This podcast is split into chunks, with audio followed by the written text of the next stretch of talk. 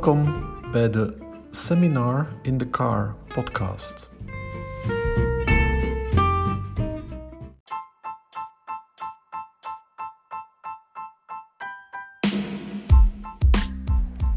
Ook deze week hebben we ons tijdens het seminarie volledig kunnen laten gaan met de kleine casusjes. We gaan daar dan ook meteen mee beginnen, aangezien er geen grote items in het seminarie zaten, hebben we alle casusjes kunnen overlopen en zal ik dus ook niet eerst een lijstje geven, maar schieten we direct in gang met alle kleine casusjes, startend met eentje uit het rondje van het hart.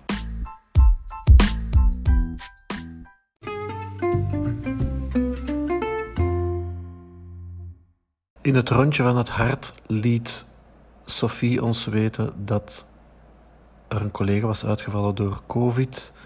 En ze was toch een beetje ongerust over wat de komende week zou betekenen qua workload. Misschien kunnen we dat eh, tijdens dit seminar eventjes terug oppikken. Yasemin had een casus over progressieve chronische rugpijn bij een vrouw van 34 jaar. De dame meldde zich aan met progressieve rugpijn geïsoleerd in de rug in het kader van een hypermobiliteitssyndroom.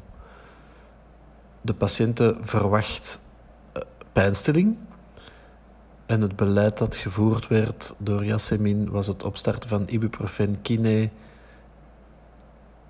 Um, en daarna is hij nog teruggekomen voor opstart van Zaldiar uiteindelijk. Uh, de vragen waar Jasmin mee zit, is dat de diagnose eigenlijk onduidelijk is voor haar. Wat is dat eigenlijk juist, die hypermobiliteitssyndroom? En welk beleid naast pijnstilling is er nog mogelijk? Vanuit de groep kwamen we met de volgende adviezen. Um, we dachten eventueel aan collageenziekten zoals Ehlers-Danlos, die veel rugpijn kunnen geven. Um, maar we vonden het vooral belangrijk, want Ehlers-Danlos is er vrij zeldzaam, om, we vonden het dus belangrijk om zeker te objectiveren wat er echt aan de hand was, eventueel via een fysisch geneesheer, alvorens we verder zouden gaan met uh, sederende pijnstilling. Nathan zag een 20-jarige jonge man met hydrops van de beide knieën. Dus de patiënt meldde zich aan met al sinds enkele weken, vooral na het werken, een bilaterale hydrops, links wel meer opvallend dan rechts, die niet echt pijnlijk was en die ook geen functiolesa met zich meebracht. De patiënt werkte als magazijnier. Bij het klinisch onderzoek werd de hydrops duidelijk bevestigd. Er was duidelijk interarticulaire zwelling. Er waren echter geen tekens van inflammatie. Uh, de mobiliteit was inderdaad goed bewaard. En de stresstesten en McMurray waren negatief. Um, Nathan heeft een echo voorgeschreven die enkel de hydrops bevestigde. En een NMR is nadien gepland om toch interarticulaire letsels op te sporen. Bij een volgende consult is er een bloedname gepland. De vraag die Nathan hierbij had, was of het zinnig zou zijn om een punctie van dit gewricht te doen, of deze gewrichten. En dan vroeg hij zich ook af of dat we eventjes het diagnostisch landschap konden bekijken. Daarbij hebben we eigenlijk alleen op de binnencirkel voor een 20-jarige man met uh, hydrops geplaatst een septische bursitis. Uh, septische artritis, pardon. Um, op de buitencirkel een Lyme, een postinfectieus, uh, iets postinfectieus, iets mechanisch, een bursitis, een tendinopathie, eventueel jicht of een spondylarthropathie, een reactieve artritis. Het um, eventuele advies, ja, het is wat moeilijk. Het was uh, niet heel duidelijk wat dit nu was. Uh, we zouden inderdaad eventjes afwachten wat het bloed uh, ons oplevert. Um, te zien dat dit eventueel toch een reactieve artritis zou zijn, eventueel op een SOA. Ehm, bij SOAS natuurlijk altijd een informed consent doen, dat de patiënt weet dat je die testen gaat doen. Ehm, de punctie was eigenlijk redelijk unaniem dat we die niet zouden doen in dit geval. Simon bracht een korte casus over een 44-jarige vrouw met een krop in de keel. De dame meldde zich aan met de klacht dat ze reeds sinds twee jaar intermittent een globusgevoel had in de keel. En dat was vooral s'avonds en in bed. Ze had er geen last van bij het eten. Ze rookt en drinkt uh, regelmatig alcohol. De voorgeschiedenis van de patiënten bevatte wel een psychische decompensatie, verder geen klinische bijzonderheden. De patiënte is heel ongerust over dit probleem, vooral omdat ze ja, rookt en drinkt en denkt zelf aan een kanker. Um, in eerste instantie heeft Simon gekozen voor geruststelling. Hij heeft wel enkele vragen bij de casus. Namelijk, uh, ja, wat zou het diagnostisch landschap kunnen zijn? Um, de meerderheid onder ons was redelijk gerust, maar we hebben opgenoemd een zenkerdivertikel, psychische klachten, eventueel toch een schildklierpathologie, slokdarmstenose of een slokdarmtumor uh, op de binnencirkel dan eventueel. Um, moet hier verder iets mee gedaan worden, uh, vraagt hij zich dan ook nog af. De oplossing vanuit de groep was toch te durven afwachten, um, maar wel goed aftoetsen bij de patiënt of dat ze zitten. Simon had wel de indruk dat ze min of meer gerustgesteld was na het laatste consult. Mocht dit toch niet zo zijn, is een gastroscopie met dan vooral aandacht natuurlijk voor de, de keel en de proximale slokdarm een optie. Maar voor de rest op dit moment eventjes temporiseren. Daan zag een vrouw van 86 jaar met de klacht van oorsuizen. De oorsuizingen waren ontstaan in het linkeroor na het oppakken van een zware last. Ze had geen duizeligheid, geen neurologische uitval en ook het neurologisch onderzoek was inderdaad niet afwijkend. De gehoorgangen waren zuiver wel werd er een heel hoge bloeddruk vastgesteld van 240 over 120 mm kwik. De dame bleek eigenlijk zeer ontroostbaar te zijn omwille van het overlijden van haar dochter op relatief jonge leeftijd. Een overlijden dat ze eigenlijk nooit heeft verwerkt en waar ze nog altijd mee zit. Ook de echtgenoot van die dame bevestigde dat dat iets was dat ze nooit heeft kunnen oplossen oplossen of achter zich laten. Het beleid van Daan was het geven van een amulor van 5 milligram, eventueel twee maal per dag. Uh, en dan zo snel mogelijk een afspraak maken bij de eigen huisarts. Want dit gebeurde uh, bij een patiënt van een collega met vakantie. En er werd aangeraden om iets van ontspanning te proberen doen. Um, Daan brengt deze casus vooral omdat hij eh, zich afvraagt of hij juist gehandeld heeft of dat hij iets anders had kunnen doen voor deze patiënt. Uh, in de groep werd er gezegd dat een verwijzing naar spoed zeker niet fout zou zijn, maar um, of het echt noodzakelijk was, waren we het niet echt uh, van overtuigd, omdat de dame inderdaad al redelijk wat leeftijd had en dat de kans dat er op spoed iets meer zal gebeuren dan het starten van een calciumblokker redelijk klein was. En het optimaliseren van de bloeddruk is een, iets dat de eigen huisarts verder kan opvolgen. En bovendien was ik van mening dat een dame van 86 jaar die je naar spoed zou sturen, hoogstwaarschijnlijk redelijk weigerachtig zou staan hier tegenover. Maar een verwijsbriefje achterlaten zou natuurlijk altijd kunnen. Melissa zag een man op consultatie met een, een cystitis. Het was een 79-jarige man die met klachten van cystitis blijft zitten, ondanks een initiale, initiële behandeling met ciprofloxacine van 7 dagen en nadien levofloxacine 14 dagen. Tussendoor heeft hij nog wel wat restjes antibiotica ingenomen vanwege van toename van de klachten na de antibiotica-kuren. Bij klinisch onderzoek, dat is niet klinisch, um, is er een rode urine gezien met mogelijk schruis.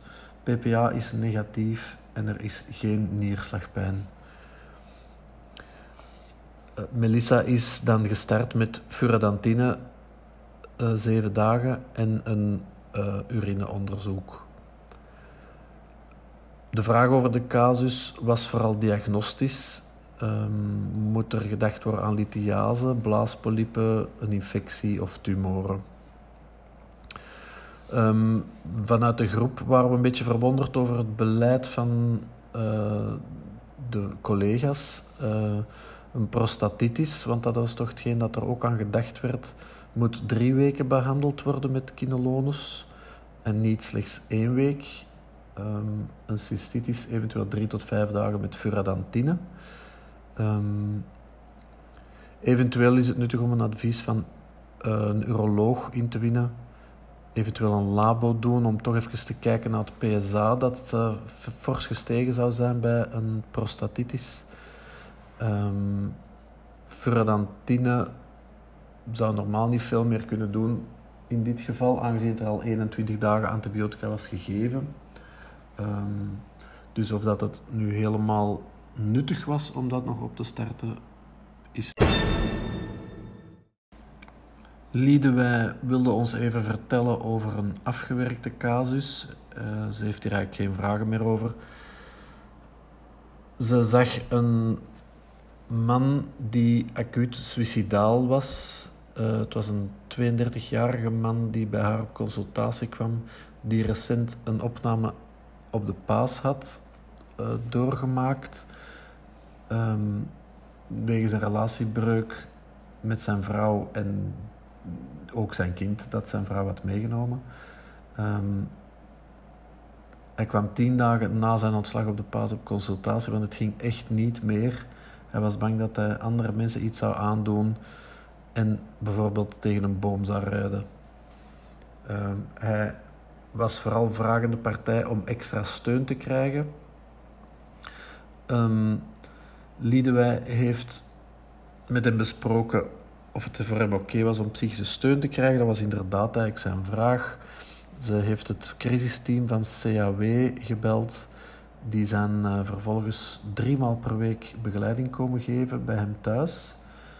En eenmaal per week ging hij naar de psycholoog. Um, de ziet de patiënt terug binnen twee weken, maar de patiënt heeft nu al aangegeven dat hij zich zeer goed geholpen voelt um, met dit uh, telefonisch uh, advies dat hij krijgt van het CAW. Brent zag een meisje van 16 met klierkoorts en pneumonie. Um, we gaan even overlopen. De aanmeldingsklacht van het meisje was de volgende. Ze had al in totaal drie weken ziekte achter de rug.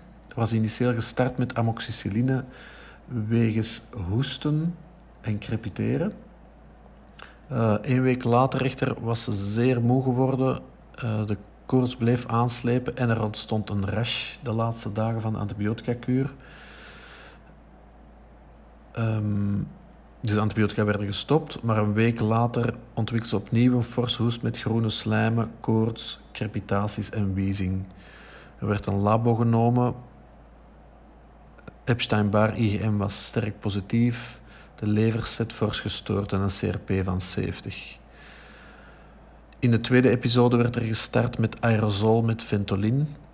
En de RX bevestigde een pneumonie waarop er dan gestart werd met claritromycine. De vraag die hierbij naar boven kwam was: klopt dit qua antibiotica-beleid? De PO was erg terughoudend omwille van kinderloners, omwille van de jonge leeftijd, 16 jaar. Um, we hebben het samen even bekeken. Eigenlijk redelijk unaniem in de groep kwam toch die moxifloxacine 400 eenmaal per dag naar voren, wat dat ook als tweede keuze ehm, wordt gezet in de Babcock. Um, na, na amoxicilline, maar inderdaad, natuurlijk bij klierkoorts is dat niet aan de orde. Uh, in claritromycine of, uh, of um, worden enkel gebruikt eigenlijk bij atypische pneumonieën zoals mycoplasma. Um, een, een, advies van pneumologie of, of pediatrie zou hier misschien nuttig zijn. Mijn persoonlijke mening is dat een meisje van 16 jaar waarschijnlijk wel moxifloxacine kan krijgen zonder veel risico. En dat was eigenlijk ook hetgeen dat de groep een beetje aanvoelde, had ik de indruk. De casus van Lien gaat over een 31-jarige vrouw met tremor en palpitaties. De jonge vrouw voelt zich sinds een tweetal, twee à drie weken eigenlijk al wat slap en heeft een tremor, hartkloppingen, zweten, algemene jeuk.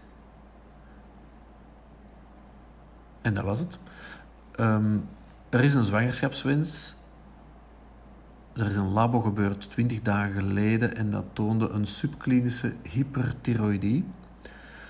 Uh, er is nu een nieuw labo gebeurd met een TSH ondetecteerbaar, een T4 dat zeer sterk verhoogd was, een TSI dat negatief was. HCG komt overeen met ongeveer vijf weken zwangerschap en er zijn gestoorde leverwaarden. Telefonisch werd aan de patiënten uitgelegd wat er aan de hand was. Dus een, een uh, forse hyperthyroïdie, een prille zwangerschap en gestoorde levertesten. Er werd met de gynaecoloog gebeld en die opteerde toch voor een opname via spoed voor verdere oppuntstelling.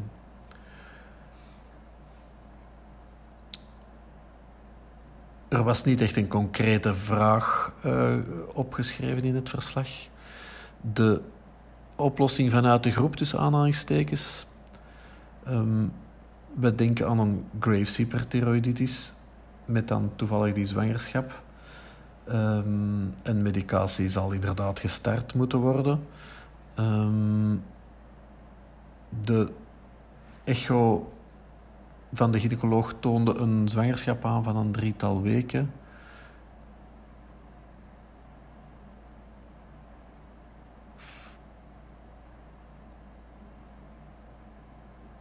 De gestoorde leverwaarden, sorry, ik was even eh, in de war. De gestoorde leverwaarden worden waarschijnlijk gebruikt door het um, redelijk langdurig herhaaldelijk gebruik van fluconazole, acht keren, amoxicilline, daar stel ik me wel vragen bij, en um, itraconazole omwille van residuerende schimmelinfecties.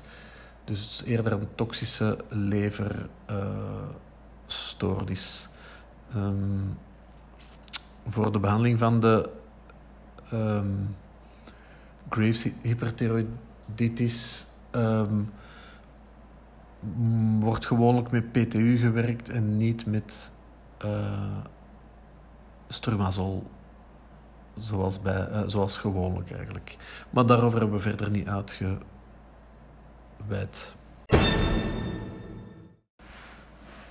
Sophie had een 35-jarige vrouw op met spierpijnen.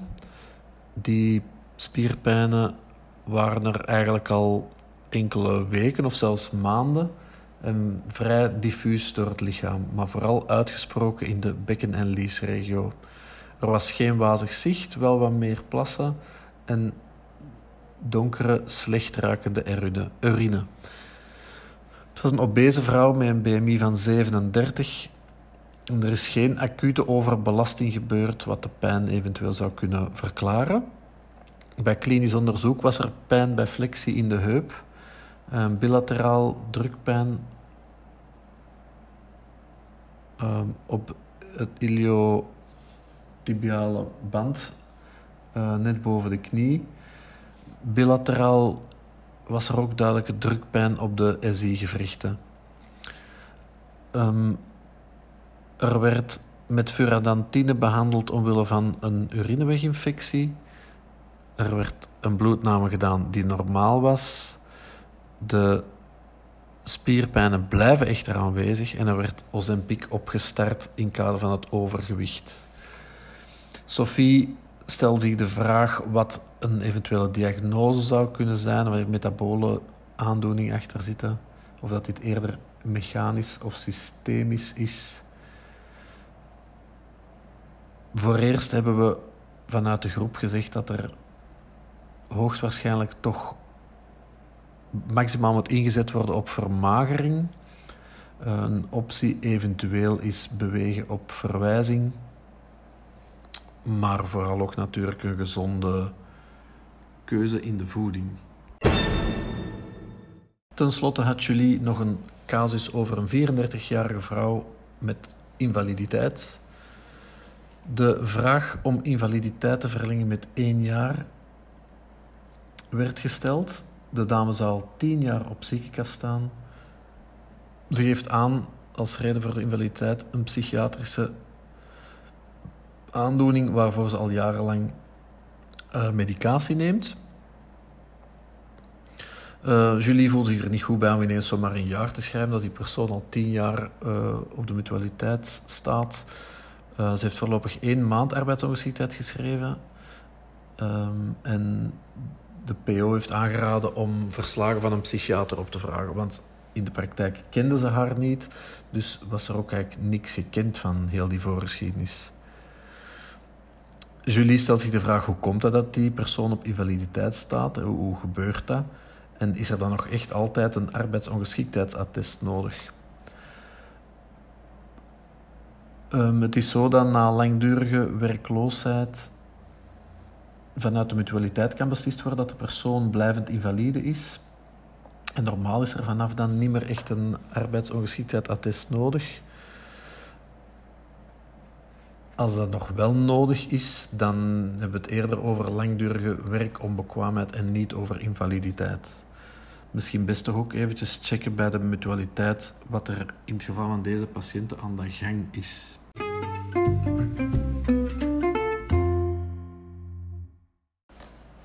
Vervolgens hebben we het onderwerp Journal Club of interessante info om te delen in het seminarie.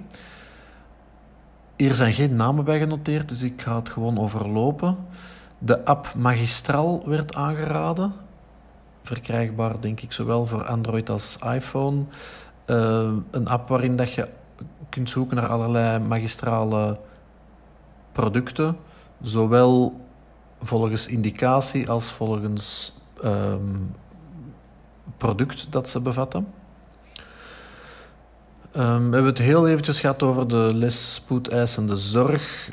Um, in Leuven was het gevoel dat het een goede les was. Uh, interessanter dan de vorige cursorische dag. Uh, iedereen was heel blij dat het live was, maar het viel wel op dat ze dicht op elkaar zaten in de aula. Ze of jullie dus eigenlijk. In Antwerpen werden de lessen niet echt super enthousiast ontvangen.